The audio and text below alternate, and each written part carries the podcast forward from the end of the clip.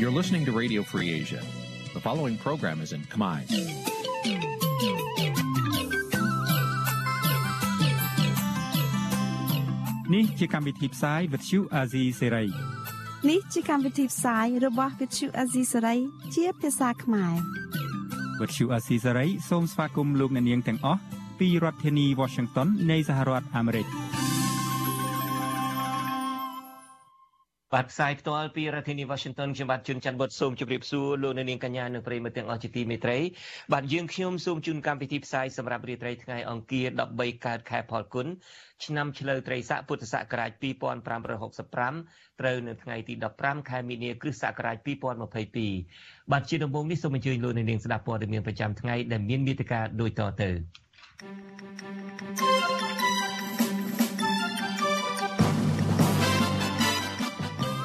គណៈបកភ្លើងទៀនដាក់សំណើសុំជួបលោកសខេងក្រោយមន្ត្រីមូលដ្ឋាន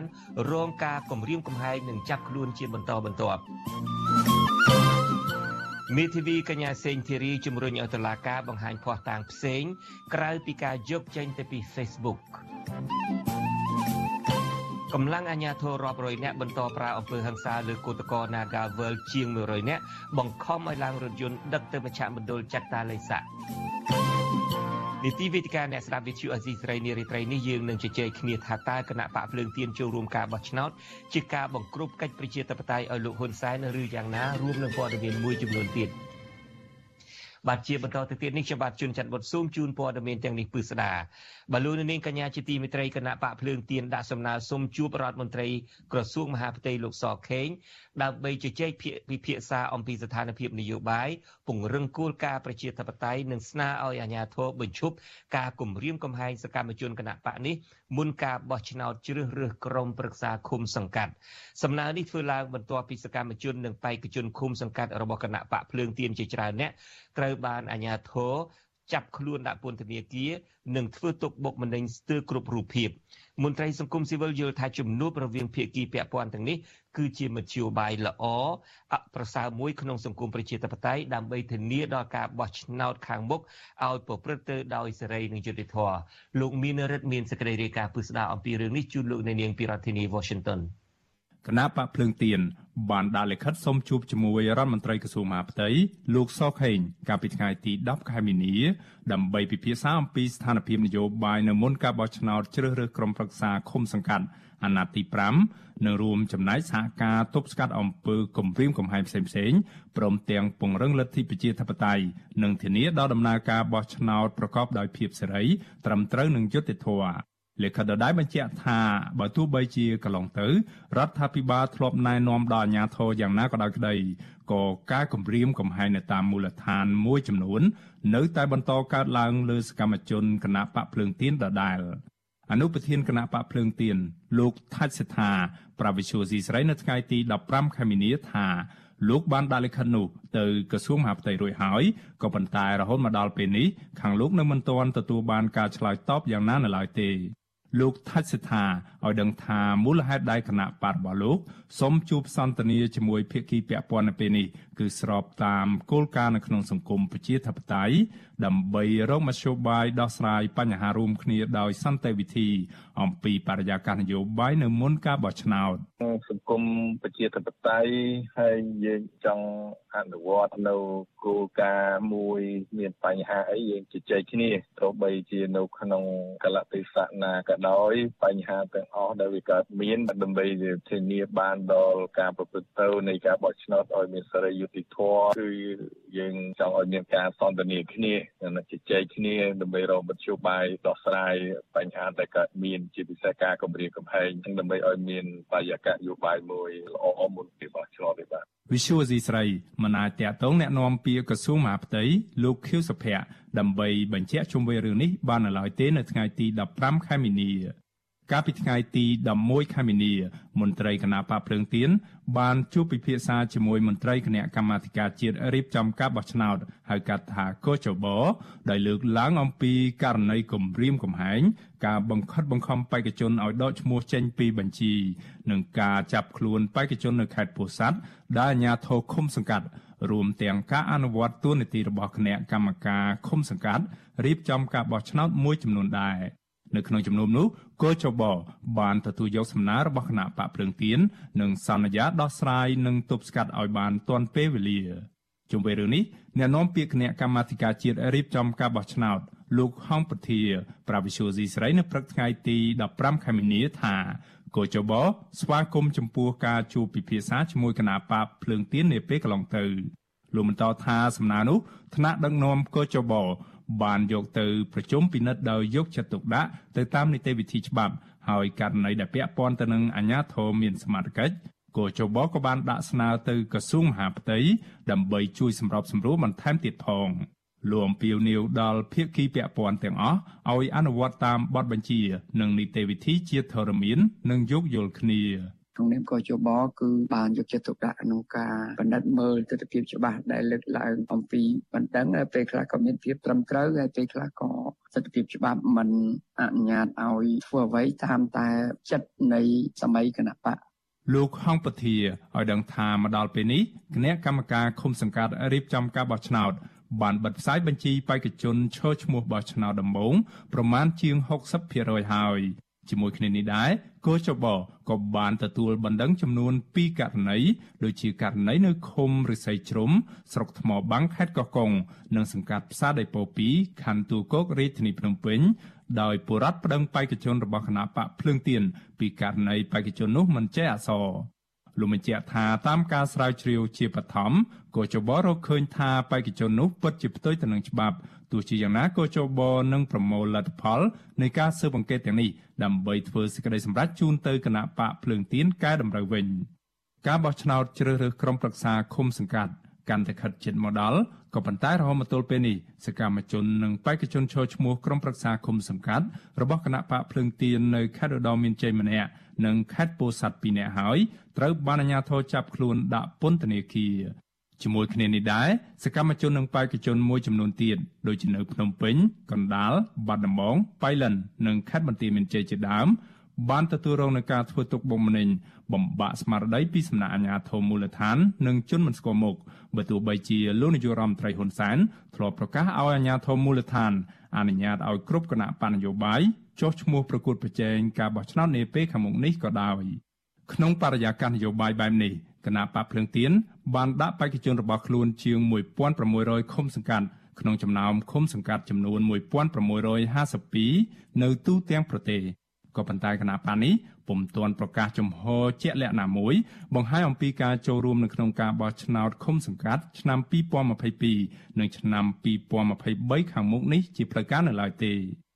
មន្ត្រីជាន់ខ្ពស់ផ្នែកអង្គការនឹងតស៊ូមតិនៃអង្គការ Confrel លោកកនស្វាង មានប្រសាសន៍ថាសង្គមស៊ីវិលបានរកឃើញនូវករណីគំរាមកំហែងនិងបំផិតបំភ័យលើសកម្មជននយោបាយដូចជាការលើកឡើងរបស់គណៈបកភ្លើងទៀនដែរ លោកបញ្ជាក់ថាដំណាក់កាលនេះគណៈកម្មាធិការជាតិរៀបចំការបោះឆ្នោតនិងក្រសួងមហាផ្ទៃមានសមត្ថកិច្ចទទួលខុសត្រូវហើយលោកគាំទ្រចំពោះភាគីពាក់ព័ន្ធទាំងអស់ដែលបានជ្រើសរើសយកវិធីសាស្ត្រជួបពិភាក្សានិងដោះស្រាយជាមួយគ្នាដើម្បីពង្រឹងទូនាទីកម្រិតនៃការទទួលខុសត្រូវ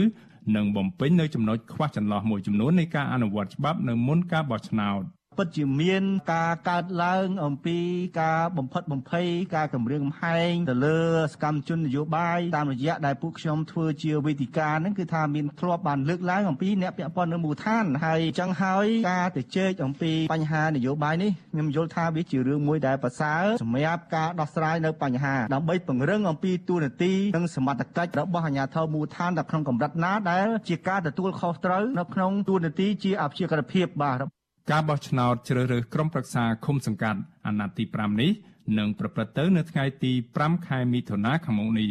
គណៈបណ្ឌនយោបាយចំនួន17បានចុះបញ្ជីបេក្ខជននៅក្នុងចំណោម40គណៈបកដែលបានចុះបញ្ជីនៅក្រសួងមហាផ្ទៃនិងមានប្រជាពលរដ្ឋជាង9លាន2សែននាក់បានចុះឈ្មោះនៅក្នុងបញ្ជីបោះឆ្នោតគណៈអាសនៈសមាជិកក្រុមប្រឹក្សាឃុំសង្កាត់មានចំនួនជាង10000អាសនៈខ្ញុំបានមេរិត Visual C ស្រី រាយការណ៍ពីរដ្ឋធានី Washington បាទលោកនាងកញ្ញាជាទីមេត្រីតកតងនឹងសិទ្ធិសេរីភាពរបស់គណៈបកនយោបាយនេះដែររដ្ឋមន្ត្រីក្រសួងមហាផ្ទៃលោកសខេងណែនាំឲ្យបើកកិច្ចប្រជុំក្រៅនឹងរំលឹកដល់អាជ្ញាធររាជធានីខេត្តទូទាំងប្រទេសដើម្បីបង្កលក្ខណៈងាយស្រួលដល់គណៈបកនយោបាយគណៈការបោះឆ្នោតក្រុមប្រឹក្សាគុំសង្កាត់កាន់តែខិតជិតមកដល់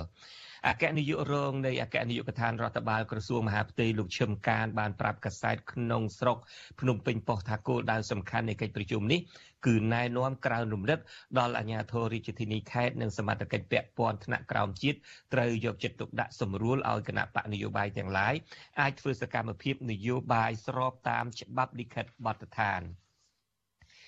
បាទលោកនាងកញ្ញាជាទីមេត្រីនៅពេលបន្តិចទៀតនេះនីតិវិទ្យាអ្នកស្ដាប់វិទ្យុអាស៊ីសេរីនឹងមានកិច្ចពិភាក្សាដេញដោលគ្នាមួយ រវាងអ្នកមានមតិផ្ទុយគ្នាជុំវិញការចូលរួមបោះឆ្នោតរបស់គណៈបកភ្លើងទៀនកញ្ញាសេងធីរីដែលប្រកាសថានឹងមិនចូលរួមជាមួយគណៈបកភ្លើងទៀន ទោះជាមានការបញ្ចុះបញ្ចូលយ៉ាងណាក្តីនឹងព្រមទាំងរិះគន់ការចូលរួមបោះឆ្នោតរបស់គណៈបកភ្លើងទៀនផងនោះនឹងធ្វើជាវាគ្មិនតទល់នឹងលោកសេងលោកបណ្ឌិតសេងសេរីលោកបណ្ឌិតសេងសេរីក៏នឹងផ្ដល់ការវិភាគវែកញែកថាតើការចូលរួមបោះឆ្នោតបែបណាដើម្បីកុំឲ្យคล้ายជាការចូលរួមដើម្បីកំដរឆាកនយោបាយរបស់លោកហ៊ុនសែននោះបាទសូមអញ្ជើញលោកអ្នកនាងរងចាំស្ដាប់ទស្សនានីតិវិទ្យាអ្នកស្ដាប់វិទ្យុអេស៊ីសេរីដែលនឹងជជែកគ្នាអំពីបញ្ហានេះនៅពេលបន្តិចទៀត នេះកុំបីខាន។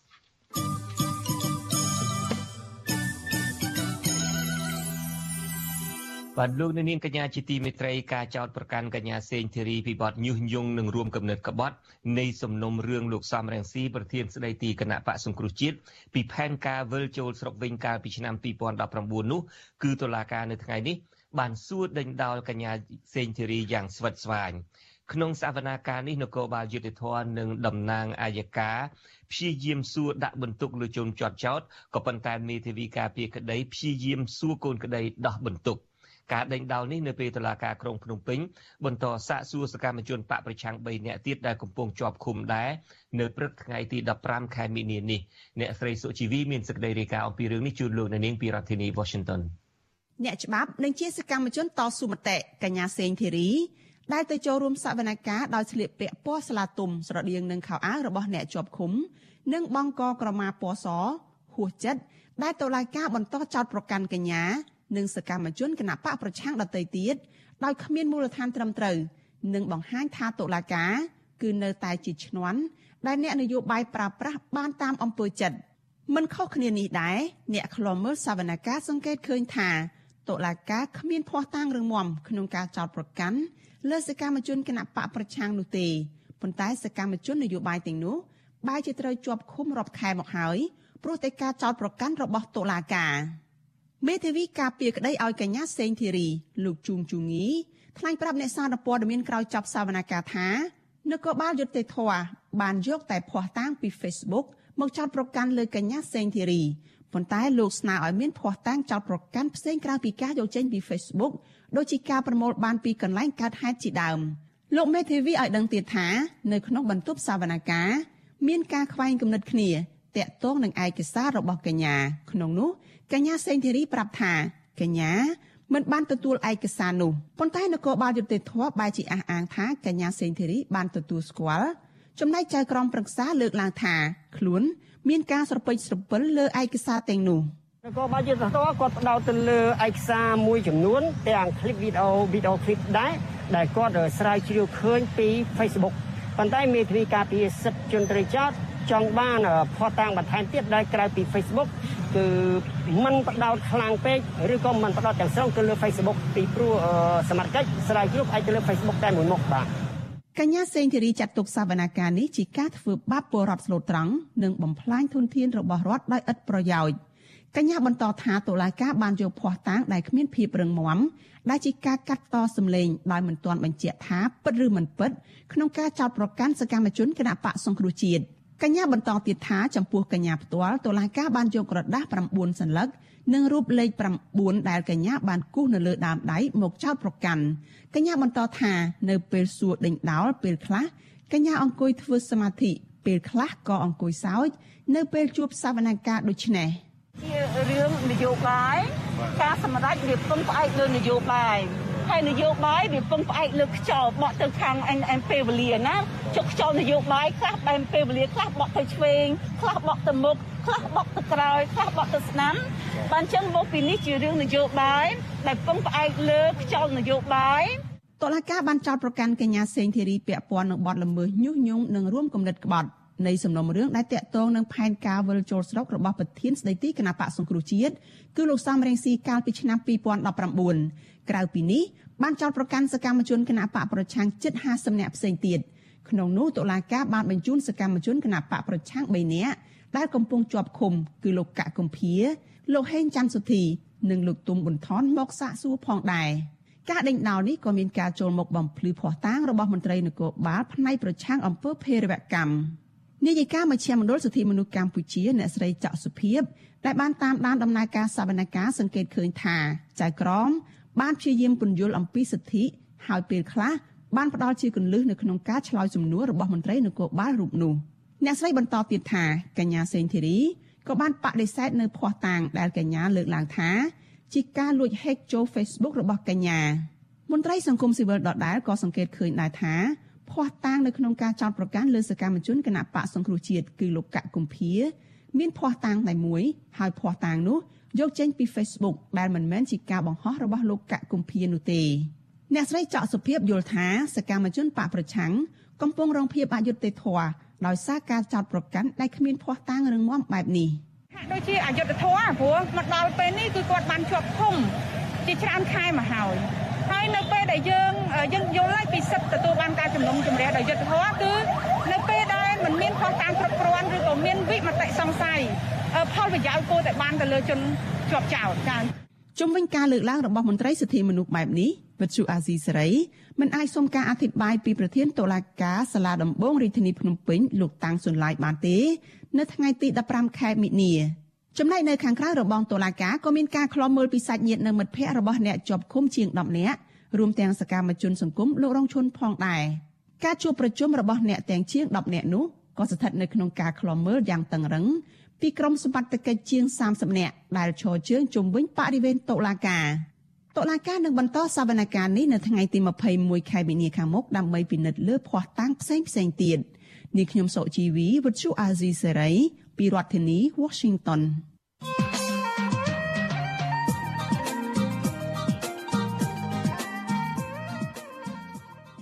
បាទលោកនាងកញ្ញាជាទីមេត្រីនៅពេលបន្តិចទៀតនេះនីតិវិទ្យាអ្នកស្ដាប់វិទ្យុអាស៊ីសេរីនឹងមានកិច្ចពិភាក្សាដេញដោលគ្នាមួយរវាងអ្នកមានមតិផ្ទុយគ្នាជុំវិញការចូលរួមបោះឆ្នោតរបស់គណៈបកសង្គ្រោះជាតិកញ្ញាសេងធីរីដែលប្រកាសថានឹងមិនចូលរួមជាមួយគណៈបកភ្លើងទៀនជួសទោះជាមានការបញ្ចុះបញ្ចូលយ៉ាងណាក្តីនិងព្រមទាំងរិះគន់ការចូលរួមបោះឆ្នោតរបស់គណៈបកភ្លើងទៀនផងនោះនឹងធ្វើជាវាគ្មិនកិត្តិយសតទល់នឹងលោកបណ្ឌិតសេងសេរីលោកបណ្ឌិតសេងសេរីក៏នឹងផ្ដល់ការវិភាគវែកញែកថាតើការចូលរួមបោះឆ្នោតបែបណាដើម្បីកុំឲ្យคล้ายជាការចូលរួមដើម្បីកំដរឆាកនយោបាយរបស់លោកហ៊ុនសែននោះសូមអញ្ជើញលោកអ្នកនាងរងចាំតាមដានស្ដាប់និងទស្សនានីតិវិទ្យាអ្នកស្ដាប់វិទ្យុអាស៊ីសេរីដែលនឹងជជែកគ្នាអំពីបញ្ហានេះនៅពេលបន្តិចទៀតនេះកុំបីខានឡើយ។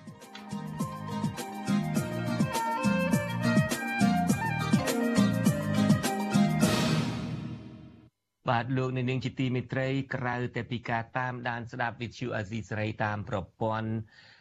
សង្គមបណ្ដាញសង្គមមាន YouTube និង Facebook ជាដើមនោះលោកអ្នកនាងកញ្ញាក៏អាចបើកស្ដាប់វិទ្យុអាស៊ីសេរីតាមវិទ្យុរលកធាតុអាកាសខ្លី SW ដែលមានកម្រិតនិងកម្ពស់ដូចតទៅនេះពេលព្រឹកចាប់ពីម៉ោង5កន្លះដល់ម៉ោង6កន្លះ តាមរយៈរលកធាតុអាកាសខ្លី9390 kHz ស្មើនឹងកម្ពស់ 32m និង11850 kHz ស្មើនឹងកម្ពស់ 25m ពេលយប់ចាប់ពីម៉ោង7កន្លះដល់ម៉ោង8កន្លះតាមរយៈរលកធាតុអាកាសខ្លី9390 kHz ស្មើនឹងកម្ពស់ 32m និង15155 kHz ស្មើនឹងកម្ពស់ 20m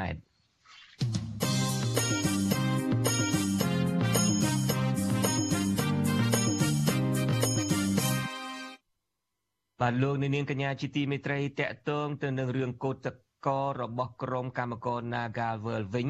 អាជ្ញាធរក្រុងភ្នំពេញនៅតែបង្កបង្ក្រាបបន្តបង្ក្រាបកម្មករ Nagavel ដោយប្រើអំពើហិង្សា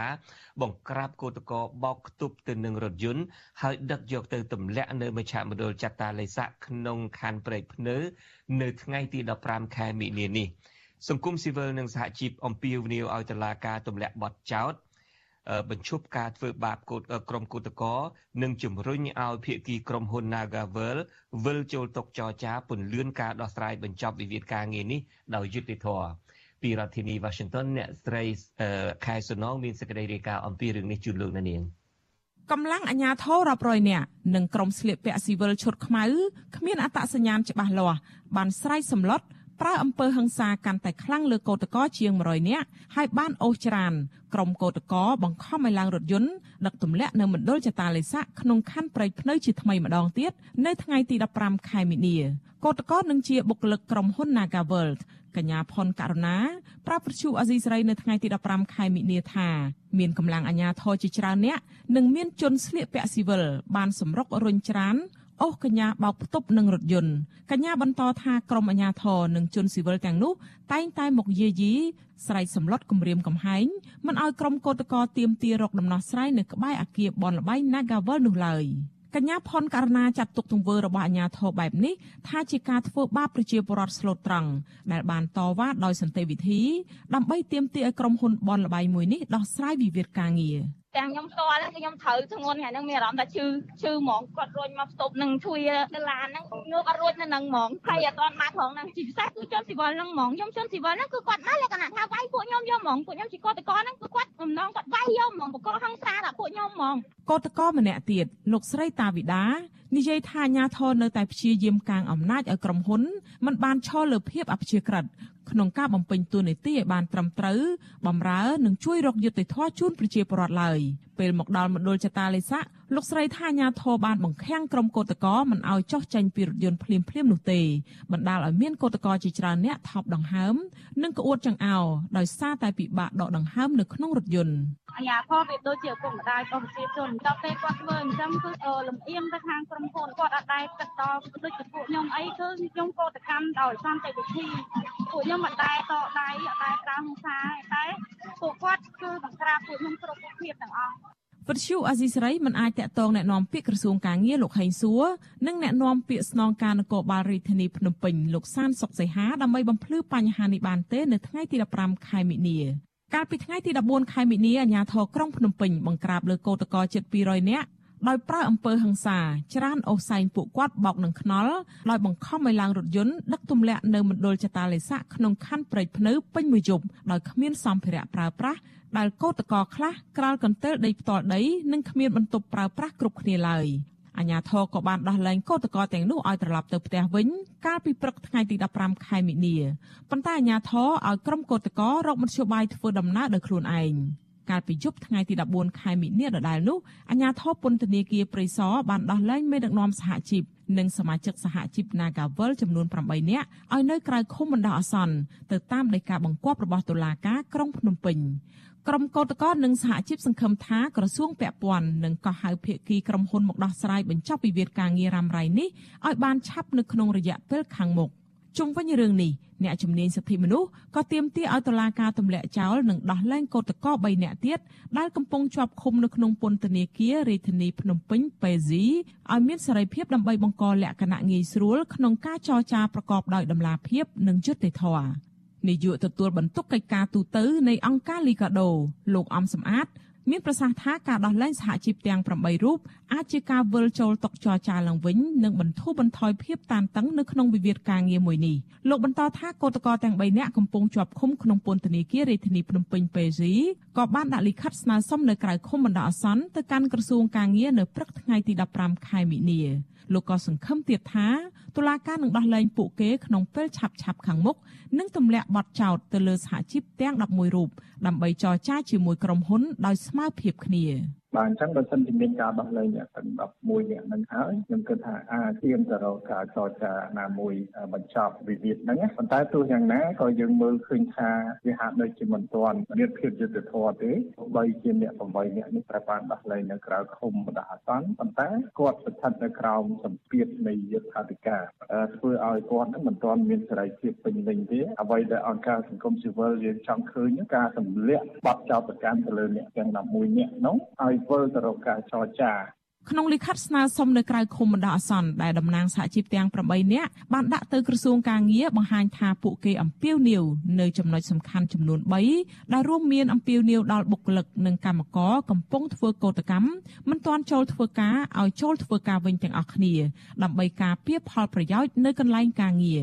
សហជីពក៏អំពាវនាវដល់បុគ្គលិក ដែលក្រុមហ៊ុនបញ្ឈប់ពីការងារឲ្យសម្រាកនៅផ្ទះរក្សាភាពស្ងប់ស្ងាត់ទុកពេលឲ្យតំណាងសហជីពចរចាដំណោះស្រាយវិវាទការងារតាមផ្លូវច្បាប់ និងអំពាវនាវកុំឲ្យក្រុមហ៊ុនគុំគួនដាក់ទោសទណ្ឌឬបង្ខំបុគ្គលិកដែលបានចូលរួមធ្វើកោតកម្មកន្លងមកជាមួយគ្នានោះអ្នកទាំង8ក៏បានសន្យាថានឹងមិនធ្វើឲ្យប៉ះពាល់ដល់សន្តិភាពសាធារណៈនិងសង្គមជាតិឡើយ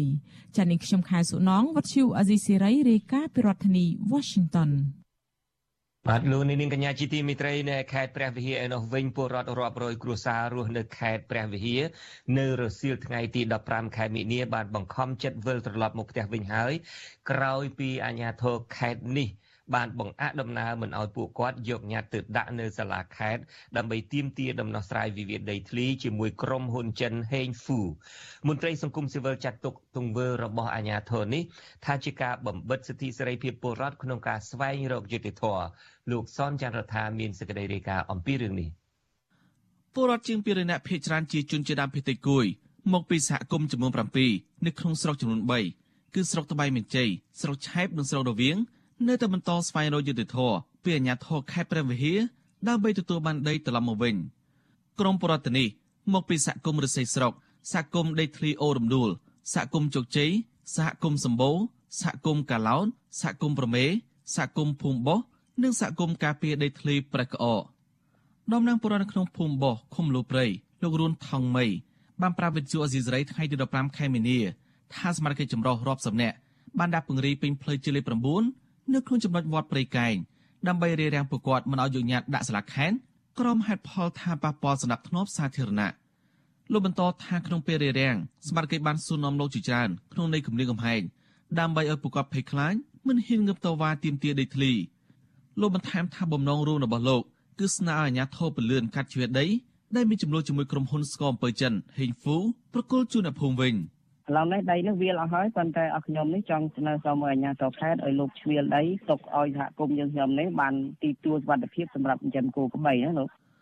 ដំណាងបរិរមនេះបន្ថែមថាអាជ្ញាធរបានសន្យាចំពោះមុខបរិរថានឹងទទួលញត្តិពីបរិរដោយផ្ទាល់នៅមូលដ្ឋាននៅពេលឆាប់ឆាប់នេះលោកប្រមានថាក្រមបរិរនឹងលើកគ្នាតវ៉ាទ្រង់ទ្រីធំប្រសិនបើអាជ្ញាធរមិនដោះស្រាយក្តីកង្វល់រួមរបស់អ្នកភូមិនោះទេដំណាងប្រជាសហគមន៍ភូមិប្រមេឃុំប្រមេលោកស្រីទេពទឹម មានប្រសាសន៍ថាសហគមន៍លោកស្រីបានជួបអាជ្ញាធរស្រុកច្រានដល់មកហើយដើម្បីពឹងឲ្យអាជ្ញាធរពន្លឿនកាត់ជ្រៀតដីជាង8ប៉ហិតាជូនដល់សហគមន៍អាស្រ័យផលបែបប្រពៃណីឡើងវិញបើទោះបីជាព្រៃបានคล้ายជាវាលអស់ហើយក្តី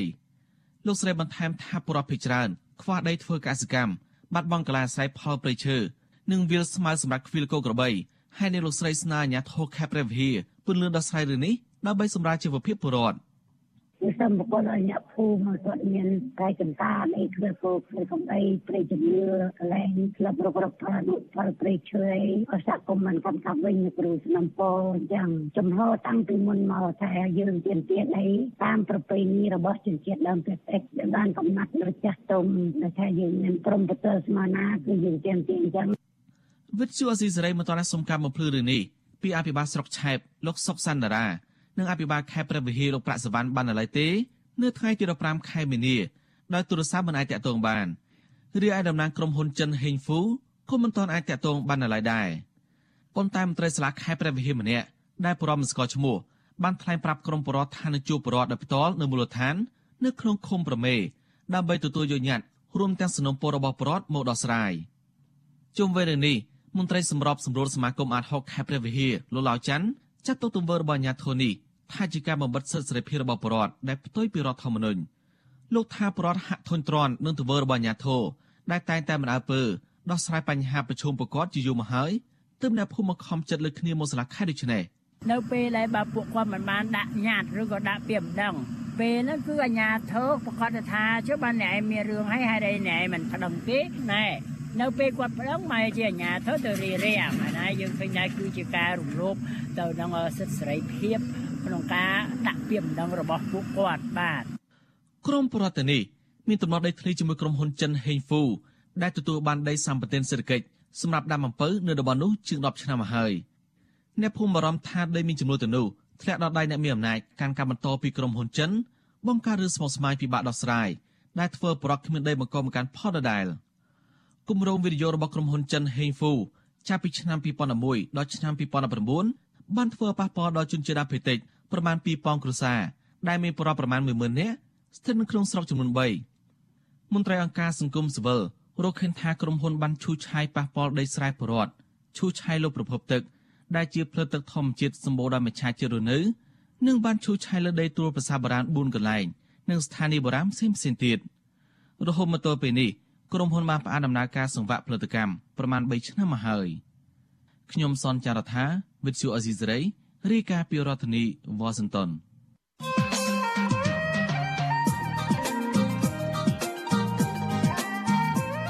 បាទលោកនាងកញ្ញាជាទីមេត្រីនៅពេលបន្តិចទៀតនេះនីតិវិទ្យាអ្នកស្ដាប់វិទ្យុអាស៊ីសេរីនឹងមានកិច្ចពិភាក្សាដេញដោលគ្នាមួយរវាងអ្នកមានមតិផ្ទុយគ្នាជុំវិញការចូលរួមបោះឆ្នោតរបស់គណៈបកភ្លើងទៀនយើងនឹងមានមានវាគ្មិនកិត្តិយសចូលរួមជាមួយយើងពីប្រទេសកម្ពុជាគឺកញ្ញាសេងធីរីដោយលោកនាងបានជ្រាបហើយកញ្ញាសេងធីរីបានប្រកាសថានឹងមិនចូលរួមជាមួយគណៈបកភ្លើងទៀនទេទោះបីជាមានការបញ្ចុះបញ្ចូលយ៉ាងណាក្តីបន្ថែមពីលើនោះកញ្ញាសេងធីរីព្រមទាំងរិះគន់ការចូលរួមបោះឆ្នោតរបស់គណៈបកភ្លើងទៀនទៀតផងកញ្ញាសេងសេរីនឹងធ្វើជាវាគ្មិនតទល់នឹងលោកបណ្ឌិតសេងសេរីហើយលោកបណ្ឌិតសេងសេរីនឹងចូលរួមជាមួយយើងពីក្រុងបាងកកប្រទេសថៃលោកនឹងផ្ដល់ការវែកញែកថាតើការចូលរួមបោះឆ្នោតបែបណាដើម្បីកុំឲ្យคล้ายជាការចូលរួមដើម្បីកំដរឆាកនយោបាយរបស់លោកហ៊ុនសែននោះបាទនីតិវេទិកាអ្នកស្ដាប់វិទ្យុអេស៊ីសរ៉ៃនឹងចាប់ផ្ដើមនាពេលបន្តិចទៀតនេះ thank you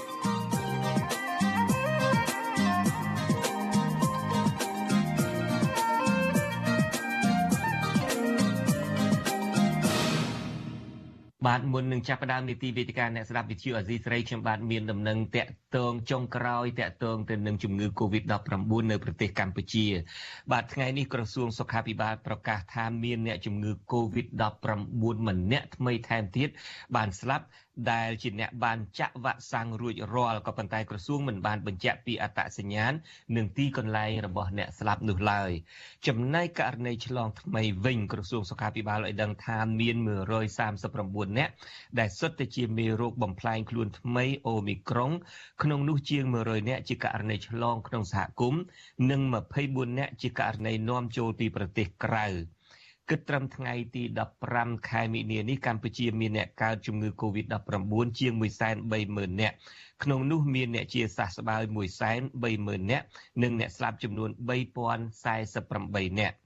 ចំពោះការចាក់វ៉ាក់សាំងបង្ការជំងឺ Covid-19 វិញក្រសួងសុខាភិបាលប្រកាសថាគិតត្រឹមថ្ងៃទី 14ខែមិនិនាម្សិលមិញរដ្ឋាភិបាលបានចាក់ពលរដ្ឋចាក់ជូនពលរដ្ឋដែលមានអាយុចាប់ពី3ឆ្នាំឡើងទៅបានជាង14លាន7សែននាក់សម្រាប់ដូសទី1និងដូសទី2ចាក់បាន13លាន9សែននាក់ហើយដូសទី3និងដូសទី4រដ្ឋាភិបាលបានចាក់ជូនពលរដ្ឋបានជាង8លាន7សែននាក់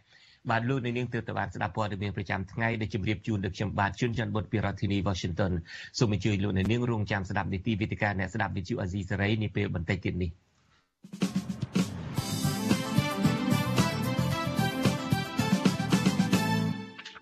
បាទជាបន្តទៅទៀតនេះគឺជានីតិវិទ្យាអ្នកស្ដាប់វិទ្យុអាស៊ីសេរី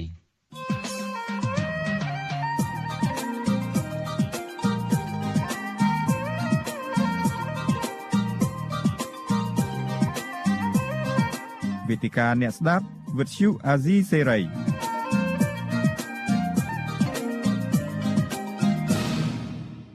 បាទលោកនាងកញ្ញាជាទីមេត្រីខ្ញុំបាទជួនច័ន្ទបុតស៊ូមជម្រាបសួរលោកនាងកញ្ញាជាថ្មីម្ដងទៀតខ្ញុំបាទមានកិត្តិយសណាស់រាត្រីនេះដែលបានធ្វើការសម្របសម្រួលនីតិវេទិកាអ្នកស្ដាប់វិទ្យុអាស៊ីសេរីជាមួយនឹងវាគ្មិនដែលមានថ្មីមាត់ពីររូបហើយដែលមានមតិផ្ទុយគ្នាស្រឡះតែម្ដងម្នាក់ចូលរួមជាមួយយើងពីរដ្ឋធានីភ្នំពេញគឺកញ្ញាសេងធីរីកញ្ញាសេងធីរីខ្ញុំបាទសូមជម្រាបសួរបាទជម្រាបសួរលោកជួនច័ន្ទងាយជម្រាបសួរលោកបាទ ហើយវាគ្មិនមួយរូបទៀតចូលរួមជាមួយយើងពីក្រុងបាងកកប្រទេសថៃគឺលោកបណ្ឌិតសេងសេរីខ្ញុំបាទក៏សូមជម្រាបសួរលោកបណ្ឌិតសេងសេរីដែរបាទបាទជម្រាបសួរលោកជនកិត្តិបុត្រហើយជម្រាបសួរកញ្ញាសេងសេរីបាទបាទ អឺកិច្ចពិភាក្សានេះឱកាសនេះធ្វើត្បិតតែខ្ញុំបាទបានប្រកាសប្រមាណដងមកហើយនៅក្នុងការផ្សាយរបស់យើងថាយើងនឹងមានការពិភាក្សាដេញដោលគ្នាមួយអំពីការចូលរួមបោះឆ្នោតរបស់គណៈបកភ្លើងទៀនហើយការចូលរួមបោះឆ្នោតនេះយើងមានអ្នកដែលមានមតិផ្ទុយពីរគឺកញ្ញាសេងធីរីហើយនិងលោកបណ្ឌិតសេងសេងសេរីតកូលស្តៀងគ្នាហើយខាងចុងនឹងក៏រីរីដូចគ្នាទៀតបើសិនជាខ្ញុំបាទអានច្រឡំអីបែបណាសូមមេត្តាខន្តីអភ័យទោសផងក៏ប៉ុន្តែធ្វើត្បិតតែខ្ញុំបាទប្រកាសជាញយដងថាទៅជែកអំពីរឿងនេះក៏ដោយចុះដែលហេតុថាកញ្ញាថ្ងៃនេះកញ្ញាសេងធីរីបានចូលរួមក្នុងរឿងតឡាការរឿងក្តីក្តាំរបស់កញ្ញាសេងធីរីដែលគេចោទប្រកាន់ថាគ្រប់គ្រងអីការវិលត្រឡប់ចូលវិញរបស់លោកសំរងស៊ីកាលពីថ្ងៃទី9វិច្ឆិកាឆ្នាំ2019នោះខ្ញុំបាទសូមអនុញ្ញាតសាកសួរតែបន្តិចទេដើម្បីឲ្យកញ្ញារៀបរាប់អំពីព្រឹត្តិការណ៍ថ្ងៃមិញនេះបន្តិចបាទសូមអញ្ជើញកញ្ញាមុននឹងចូលរួមរឿងពិភាក្សាដេញដោលគ្នាអំពីរឿងគណៈបកភ្លើងទៀននិយាយគ្នាអំពីរឿងសវនាការព្រឹកមិញនេះបន្តិចបាទសូមអញ្ជើញព្រឹកមិញអ្វីទឹកទឹកខ្យល់តាខ្យល់អឺមកអត់អត់មកតកិច្ចដូចសវនាមុនហើយអតិអុយក៏នឹងផ្ដោតលើតកិច្ចនៅក្នុងការអះអាងពួកគាត់ប្រកាន់លើពួកខ្ញុំផ្ោះតាំងរបស់ពួកគាត់ផ្ោះតាំងរបស់ពួកគាត់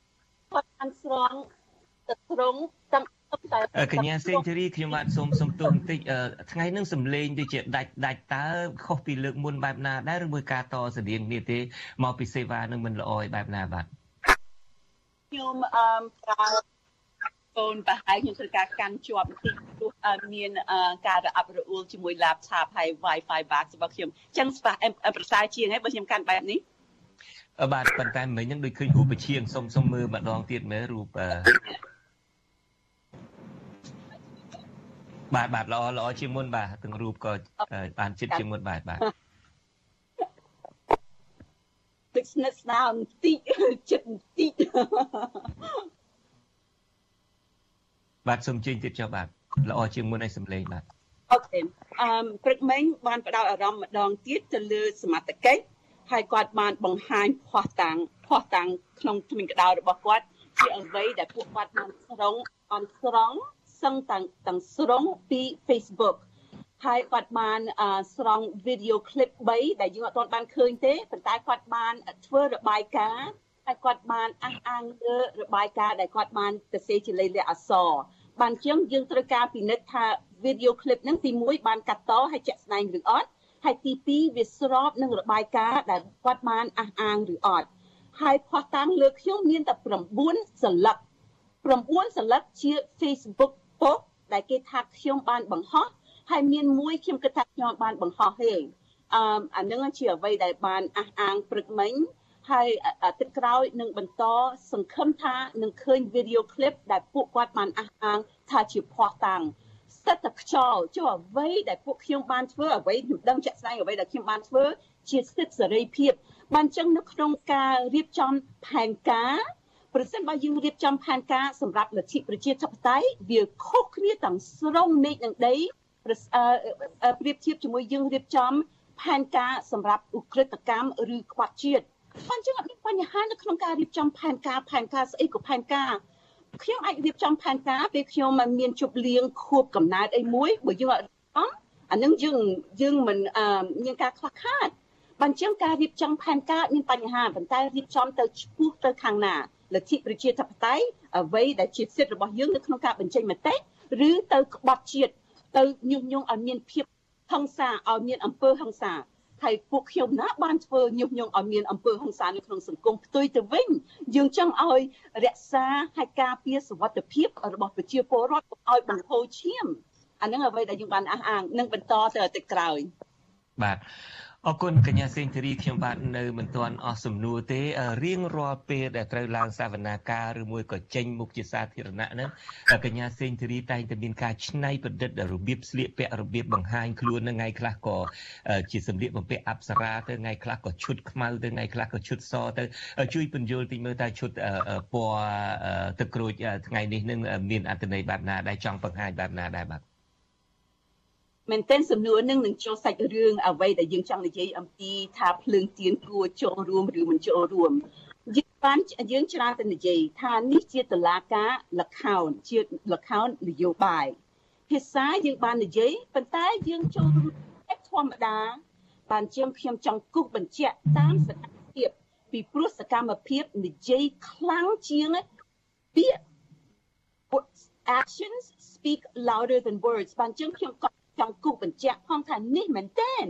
តាមសកម្មភាពរបស់ខ្ញុំជាលខោនហើយពេលយើងលខោនយើងពេលយើងចូលលខោនឬយើងទៅមើលលខោនយើងស្លៀកពាក់បែបណាដូចយើងទៅចូលតឡាការជាក់ស្ដែងមែនទេយើងទៅបែបសំដែងនេះជាការគូបញ្ជាក់ឲ្យវាសង្កត់លើភាសាថានេះជាលខោននយោបាយបានចឹងថ្ងៃនេះខ្ញុំស្លៀកឈុតអ្នកផ្ទុកជាប់ពន្ធនាគារអឺ នៅក្នុងការរួមស្មារតីជាមួយអ្នកទស្សនមនសិការផងហើយនៅក្នុងគូសបញ្ជាក់ម្ដងទៀតថានេះជាលខោននយោបាយបាទហើយចុះលេខដូចជាលេខ152នឹងមានន័យបែបណាដែរដែលពាក់ឈៀងនឹងបាទលេខ200មហា252ជាមេត្រា252ចេញពីក្រមនីតិវិធីព្រហ្មទណ្ឌដែលគូសបញ្ជាក់យ៉ាងថ្លា នៅក្នុងចំណងជើងមានពាក្យ ជាភាសាទាំងស្រុងតែម្ដងមកភាពប្រសិនបើមានការរំលោភបំពានលើសិទ្ធិជនជាប់ចោត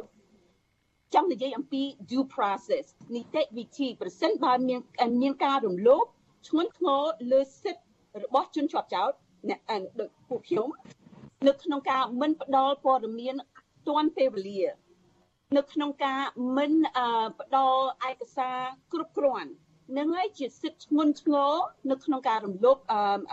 លើជនជាប់ចោតធ្វើឲ្យអ្វីដែលកើតឡើងរួមជាមួយសាវនាការព្រឹកមិញនឹងជាមុខៈជាមុខភាពមានន័យថាយើងចង់និយាយអំពីក្បត់ជាតិប្រមាណដងក៏ជាការខ្ជះខ្ជាយពេលវេលាហើយធនធានរបស់រដ្ឋពីព្រោះរឿងអស់នឹងគួរទម្លាក់ចោលទាំងស្រុងពីព្រោះយើង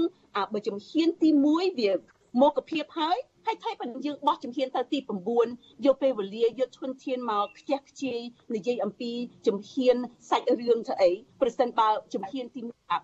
ច្រកចូលនឹងវាមកខែហើយបានខាំងច្បាប់បានខាំងថាអត់គួរដំណើរការទៅមុខទៀតទេហើយថៃបើយើងនៅតែប្រជាចូលទៅនិយាយពីព្រោះរឿងនឹងមកខាក់ហើយមេត្រា252នៃក្រមនីតិវិធីព្រហ្មទណ្ឌកម្ពុជាតែម្ដង ពីព្រោះរបបផ្ដាច់ការនេះតាមអ្នកសម្ដែងនៅក្នុងតឡាការគាត់ច្រើនតែនិយាយពេលខ្ញុំលើកឡើងច្បាប់អន្តរជាតិមេត្រានេះមេត្រានោះគាត់ថា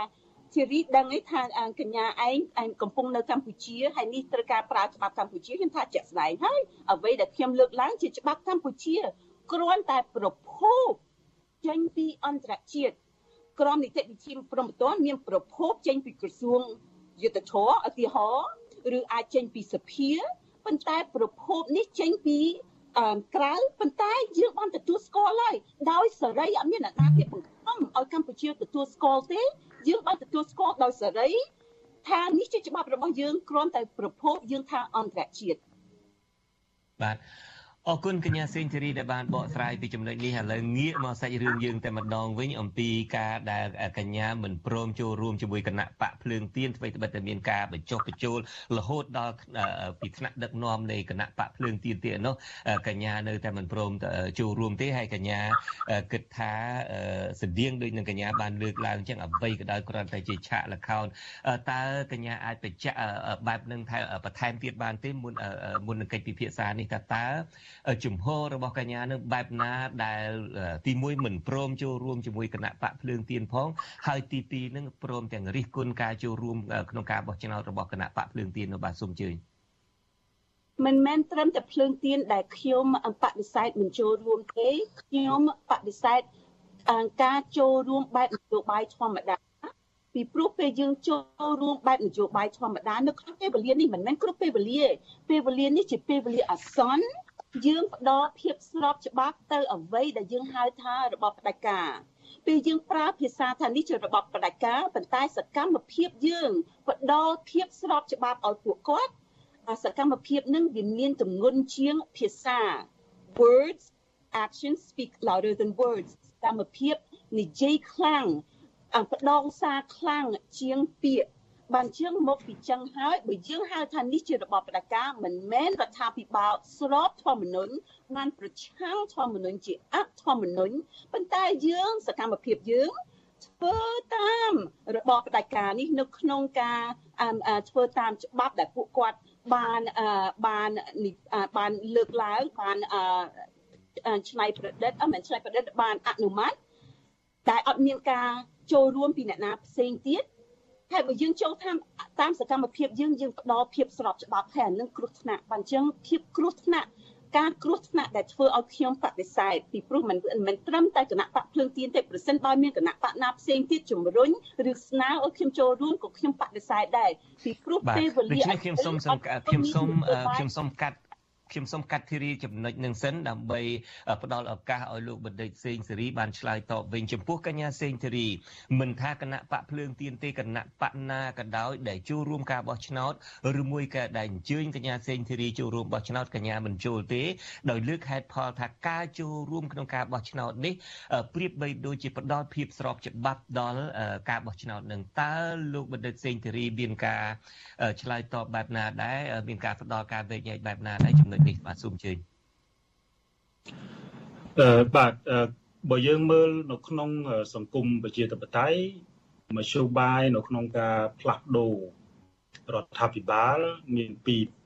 មធ្យោបាយធំធំមធ្យោបាយទី1គឺតាមរយៈការបោះឆ្នោតហើយមធ្យោបាយទី2គឺតាមរយៈចលនាមហាជនហើយតាមរយៈចលនាមហាជននេះលុះត្រាតែប្រព័ន្ធបោះឆ្នោតយើងលែង យើងលែងទទួលយកបានហើយអ្វីដែលសំខាន់នេះខ្ញុំចង់បញ្ជាក់ចំណុចនេះថា នៅក្នុងសង្គមប្រជាធិបតេយ្យការបោះឆ្នោត គឺជាមធ្យោបាយដែលល្អបំផុតនៅក្នុងការនៅក្នុងការដំណើរការមាគ៌ាប្រជាធិបតេយ្យនៅក្នុងប្រទេសដែលប្រកាន់ប្រជាធិបតេយ្យដូច្នេះហើយសម្រាប់ខ្ញុំខ្ញុំលើកទឹកចិត្តធ្វើម៉េចយើងមានភាពអត់ធ្មត់ខ្ពស់នៅក្នុងការជំរុញឲ្យ ការបោះឆ្នោតជំរុញឲ្យអ្នកអ្នកនយោបាយហ្នឹងឈានចូលផ្សេងវៀននៃការបោះឆ្នោតជាជាងការធ្វើសកម្មភាពតាមរយៈការបង្កើតឲ្យមានចលនាមហាជននៅក្នុងការផ្លាស់ប្ដូរព្រោះបញ្ហាត្រង់ថានៅពេលដែលមានការផ្លាស់ប្ដូរតាមរយៈចលនាមហាជន សំណួរមួយដែលប្រទេសអឺដែលប្រទេសមួយចំនួនឆ្លងកាត់បទពិសោធន៍នោះតែងតែសួរថាតើបន្ទាប់ពីការផ្លាស់ប្ដូរតាមរយៈចលនាមហាជនហើយ ថាតើ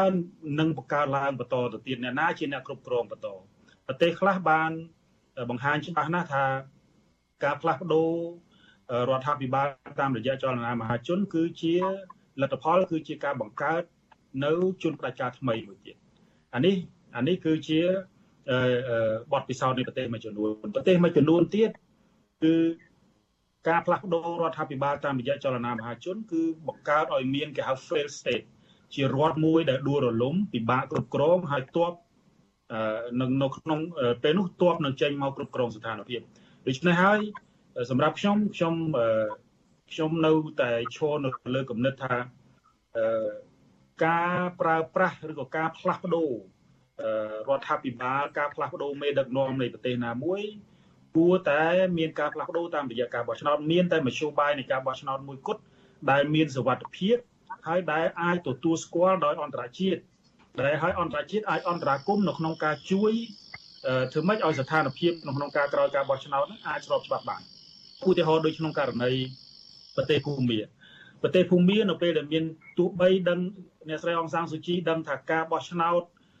រដ្ឋាភិបាលគ្រប់គ្រងដោយរបបយោធាគណៈកម្មការបោះឆ្នោតគ្រប់គ្រងដោយពួកយោធាក៏ដោយក៏ប៉ុន្តែ មហាជនពលរដ្ឋហ្នឹងគឺចង់មានការផ្លាស់ប្ដូររហូតដល់អ្នកស្រីអង្សានស៊ូជីឈ្នះភ្លុកទឹកភ្លុកដីក៏ប៉ុន្តែទោះបីយ៉ាងណាក៏ដោយយោធាយកអំណាចមកវិញក៏ប៉ុន្តែយើងមើលឃើញថារដ្ឋាភិបាលយោធាត្រូវបានមានការគៀបសង្កត់ពីអន្តរជាតិគ្រប់សូម្បីតែសូម្បីតែអង្គការតំបន់ដូចជាអាស៊ានក៏ក៏ដាក់ទណ្ឌកម្មទៅលើប្រទេសភូមាដែរដូច្នេះហើយខ្ញុំម្ដងទៀតខ្ញុំនៅតែចូលលើគំនិតថា ការបោះឆ្នោតគឺមានសារៈសំខាន់ណាស់នៅក្នុងមាគ៌ាប្រជាធិបតេយ្យក្នុងក្នុងមាគ៌ាប្រជាធិបតេយ្យខ្ញុំនៅចាំកិច្ចសម្ភាសមួយរបស់លោកបណ្ឌិតសេងសេរីជាមួយនឹងវិទ្យុអាស៊ីសេរីអ្វីដែលខ្ញុំលើកមកនេះពីព្រោះថាខ្ញុំឮលោកបណ្ឌិតសេងសេរីនឹងសំទោសមិញនឹងខ្ញុំច្រឡំជួនកាលបណ្ឌិតសេងសេរីសំទោសខ្ញុំប្រាប់ថាខ្ញុំអាចច្រឡំច្រឡំមែនលោកបណ្ឌិតសេងសេរីបាទអឺ លោកបណ្ឌិតសេងសេរីបានលើកយកស្ថានភាពប្រទេសកម្ពុជានឹងទៅបដូចនឹងភូមា ក៏ប៉ុន្តែខ្ញុំបាទធ្លាប់ចាំលោកបណ្ឌិតសេងសេរីបានធ្លាប់សម្ភាសជាមួយអាស៊ីសេរីកាលពីលើកមុនថាតាមពិតនឹងស្ថានភាពប្រទេសកម្ពុជាហើយនឹងស្ថានភាពនឹងបរទេសនឹងខុសគ្នាឆ្ងាយណាស់ត្រង់ថានៅប្រទេសដទៃនឹងស្ថាប័នរដ្ឋមានការគណៈកម្មការរៀបចំការបោះឆ្នោតអីជាដើមនឹងនៅមិនទាន់នៅក្រោមការគ្រប់គ្រងការចង្អុលបង្ហាញពីលោកហ៊ុនសែនដូចនៅប្រទេសកម្ពុជាទេលោកមានប្រសាសន៍ថាប្រទេសគេនឹងយ៉ាងហោចណាស់នឹងនៅស្ថាប័នដទៃទៀតនឹងគឺថានៅគិតគូរដល់ប្រជាពលរដ្ឋជាដើមដូច្នេះការដែលលោកបណ្ឌិតមានប្រសាសន៍ថាការបោះឆ្នោតនៅប្រទេសភូមានឹងគឺថាអាចគណៈបករបស់អ្នកស្រីអងសានស៊ូជីឈ្នះទៅហើយទីបំផុតនៅមេដឹកនាំយោធានៅតែប្លន់យកឯដដែលហ្នឹងយ៉ាងហោចណាស់នៅភូមិអាចមានឈ្នះបានក៏ប៉ុន្តែនៅកម្ពុជាអាចឈ្នះបានទេអញ្ចឹងហើយបានកញ្ញាសេងធារីដែលលើកឡើងថាចូលរួមនឹងគឺថាដើម្បីប្រគ្រប់កិច្ចដើម្បីធ្វើឲ្យមានភាពស្របច្បាប់នឹងពីព្រោះថាភាកច្រើននៅពេលដែលចូលរួមការបោះឆ្នោតនឹងប្រហែលជាភាកច្រើនមិនអាចឈ្នះបានដោយនៅភូមិទេលោកបណ្ឌិតសេងធារីបើមិនឈ្នះដោយភូមិទេមិនមានន័យថាការការលើកឡើងរបស់កញ្ញាសេងធីរីនឹងសំហេតុសំផលពីព្រោះគាត់រចូលដើម្បីចាញ់ហើយចាញ់ហើយដើម្បីឲ្យគេយកមុខឋានៈមានគណៈបកដទៃចូលរួមដែរនោះលោកបណ្ឌិតសេងធីរី បើយើងបើយើងមើលពិនិត្យមើលស្ថាប័នកោជបដែលយើងហៅថាស្ថាប័នបោះឆ្នោតហើយនៅប្រទេសនៅប្រទេសប្រជាធិបតេយ្យគឺគ្រាន់តែយើងអ្នកខ្លះហៅគណៈកម្មការអ្នកខ្លះអីចឹងទៅយើងក៏មានគណៈកម្មការរៀបចំការបោះឆ្នោតចង់បញ្ជាក់ថាគណៈកម្មការរៀបចំការបោះឆ្នោតនេះគេហៅថាជាស្ថាប័នឯករាជ្យផលរដ្ឋនៅក្នុងនីតិប្រតិបត្តិគេមានស្ថាប័នឯករាជ្យដូចជាគណៈកម្មការបោះឆ្នោតគណៈកម្មការប្រឆាំងអំពើពុករលួយគណៈកម្មការសិទ្ធិមនុស្ស ជាទូទៅគណៈកម្មការឯករាជ្យរបស់រដ្ឋបែបនេះគឺមិនធ្វើការចំណុះឲ្យគណៈបកនយោបាយណាទេ ជាអ្នកដែលវះកាត់ទៅលើរឿងអយុត្តិធម៌ផ្សេងៗប៉ុន្តែដោយឡែកនៅកម្ពុជាយើងឃើញថាស្ថាប័នឯករាជ្យរដ្ឋហើយសូម្បីតែស្ថាប័នរដ្ឋមួយចំនួនហ្នឹងក៏ត្រូវបានមានអធិបុលពីពីពីគណៈបកកណ្ដាលអំណាចជាពិសេសពីរដ្ឋាភិបាល ពីគណៈបកកាន់រដ្ឋាភិបាលដូចគ្នាដែរនៅប្រទេសភូមាក៏ដូចគ្នាដែរទោះបីជាការបោះឆ្នោតឃើញថាមានការរៀបចំហើយអ្នកស្រីអងសានស៊ូជីគាត់ទទួលបានសម្លេងគ្រប់គ្រងលើសលប់ក៏ដោយក៏ប៉ុន្តែសំណួរសួរថាតើស្ថាប័នកោជបរបស់ភូមានឹងមានភាពឯករាជ្យហើយឬនៅហើយនៅពេលដែលយើងនិយាយអំពីឯករាជ្យរបស់ស្ថាប័នកោជបនៅពេលដែលយើងនិយាយអំពីភាពត្រឹមត្រូវនៃស្ថាប័នកោជបវាត្រូវតែមាន បើយើងវាត្រូវតែមានដំណើរការនៃការចូលរួមពីគ្រប់ភាគីហើយត្រូវការពេលវេលាសមរម្យមួយហើយបើយើងមើលប្រវត្តិកោជបដែលយើងធ្វើការរៀបចំការបោះឆ្នោតកន្លងមកយើងឃើញថាយើងយើងយើងទទួលស្គាល់តែគោជបដែលរៀបចំដោយ UN តាក់ទេដែលពេលនោះយើងឃើញថាអាចទទួលយកបានគ្រប់ភាគីប៉ុន្តែកន្លងមកទៀតយើងឃើញថាស្ថាប័នគោជបនេះត្រូវបានរំខានដោយ អ្នកនយោបាយហើយតែងតែកើតឡើងនៅបញ្ហាក្រោយការបោះឆ្នោតនឹងមានការទៀមទាតវ៉ាភាពយុត្តិធម៌ភាពអយុត្តិធម៌អញ្ចឹងដូច្នេះសំណួរនៅត្រង់ចំណុចនេះសួរថាតើបើសិនជាក្នុងករណីអឺគោជបមិនត្រូវមើលឃើញថាឯករាជ្យតម្លាភាពត្រឹមត្រូវបែបនេះទំនួសួរទៅអ្នកនយោបាយថាតើគួរចូលរួមនៅក្នុងការបោះឆ្នោតតាមរយៈគោជបមិនឯករាជ្យបែបនេះដែរឬទេ ប៉ុន្តែអ្នកនយោបាយត្រូវពិចារណាកន្លងមកយើងសង្កេតឃើញហើយអានេះជាជាជាការសង្កេតផ្ទាល់ខ្លួនរបស់ខ្ញុំរយៈពេល4 5ឆ្នាំចុងក្រោយពីឆ្នាំ2012មកដល់ឆ្នាំ2017នេះយើងឃើញថានៅពេលដែលនៅពេលដែលអឺអវត្តមានរបស់គណៈបកកាន់គណៈបកប្រឆាំងយើងឃើញមានចំណុចមួយចំនួនដែលកើតឡើងនៅក្នុងពេលវេលាមួយដែលអវត្តមានរបស់គណៈបកនយោបាយដែលមាននិន្នាការផ្ទុយ ទីមួយយើងឃើញថាពលរដ្ឋជាជាការសង្កេតខ្ញុំបញ្ជាក់ម្ដងទៀតខ្ញុំប្រើប្រាស់វិធីសាស្ត្រអង្កេតខ្ញុំរកឃើញថាពលរដ្ឋចាប់ផ្ដើមធុញទ្រាន់ទៅនឹងអវត្តមាននៃគណៈបកប្រឆាំងព្រោះអវត្តមាននៃអ្នកនយោបាយប្រឆាំងវាបានធ្វើឲ្យមន្ត្រីរដ្ឋបាលថ្នាក់ក្រោមរួមទាំងរដ្ឋាភិបាលនឹងមើលឃើញយើងមើលឃើញថាហាក់ដូចជាជីសេះលែងដៃមិនសូវជាខ្វល់ខ្វាយ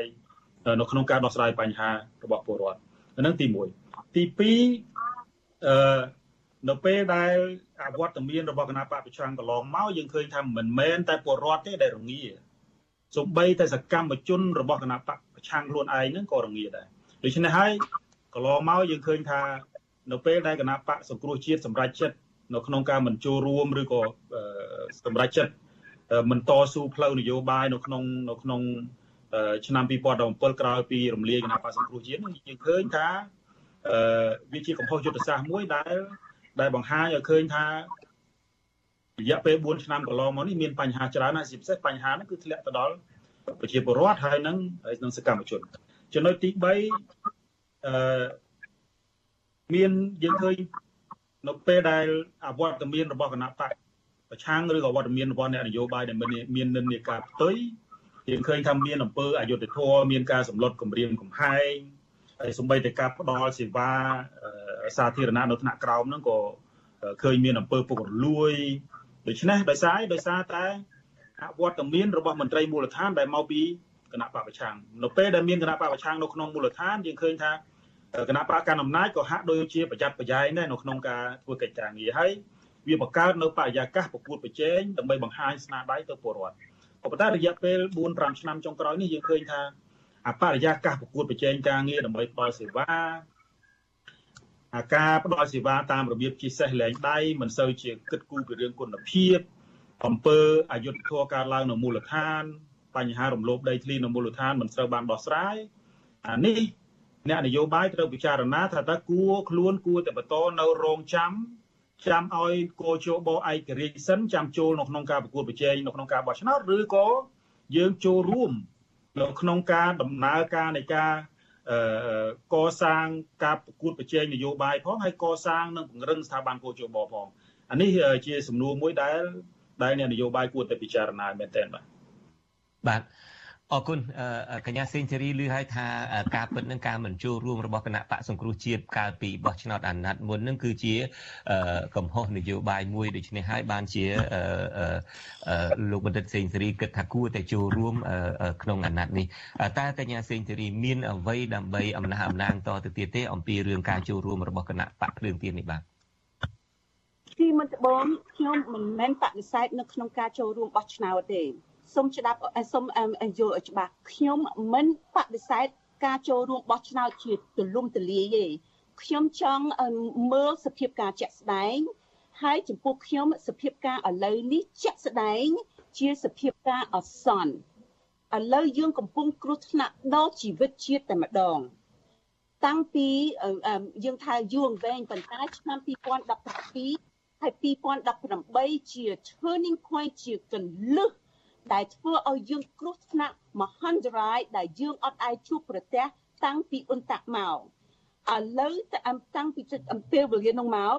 2017ដល់សប្តាហ៍ថ្ងៃនេះយើងកំពុងគ្រោះថ្នាក់ដោយពេលយោធាយួនឈ្លានពានយើងអត់ដែលគ្រោះថ្នាក់ដល់ជីវិតក្រោយពីអ៊ុនតាក់មកសប្តាហ៍ថ្ងៃនេះអឹមឥឡូវនេះយើងគ្រោះថ្នាក់ដល់ជីវិតដោយពេលយួនយោធាយួនឈ្លានពានប្រសិនបើ ប្រសិនបើយើងមានជំនឿចឹងហើយខ្ញុំគិតថាមិនមែនតែខ្ញុំទេដែលមានជំនឿថាយើងឥឡូវកំពុងគ្រោះថ្នាក់ដល់ជីវិតជាតិតែម្ដង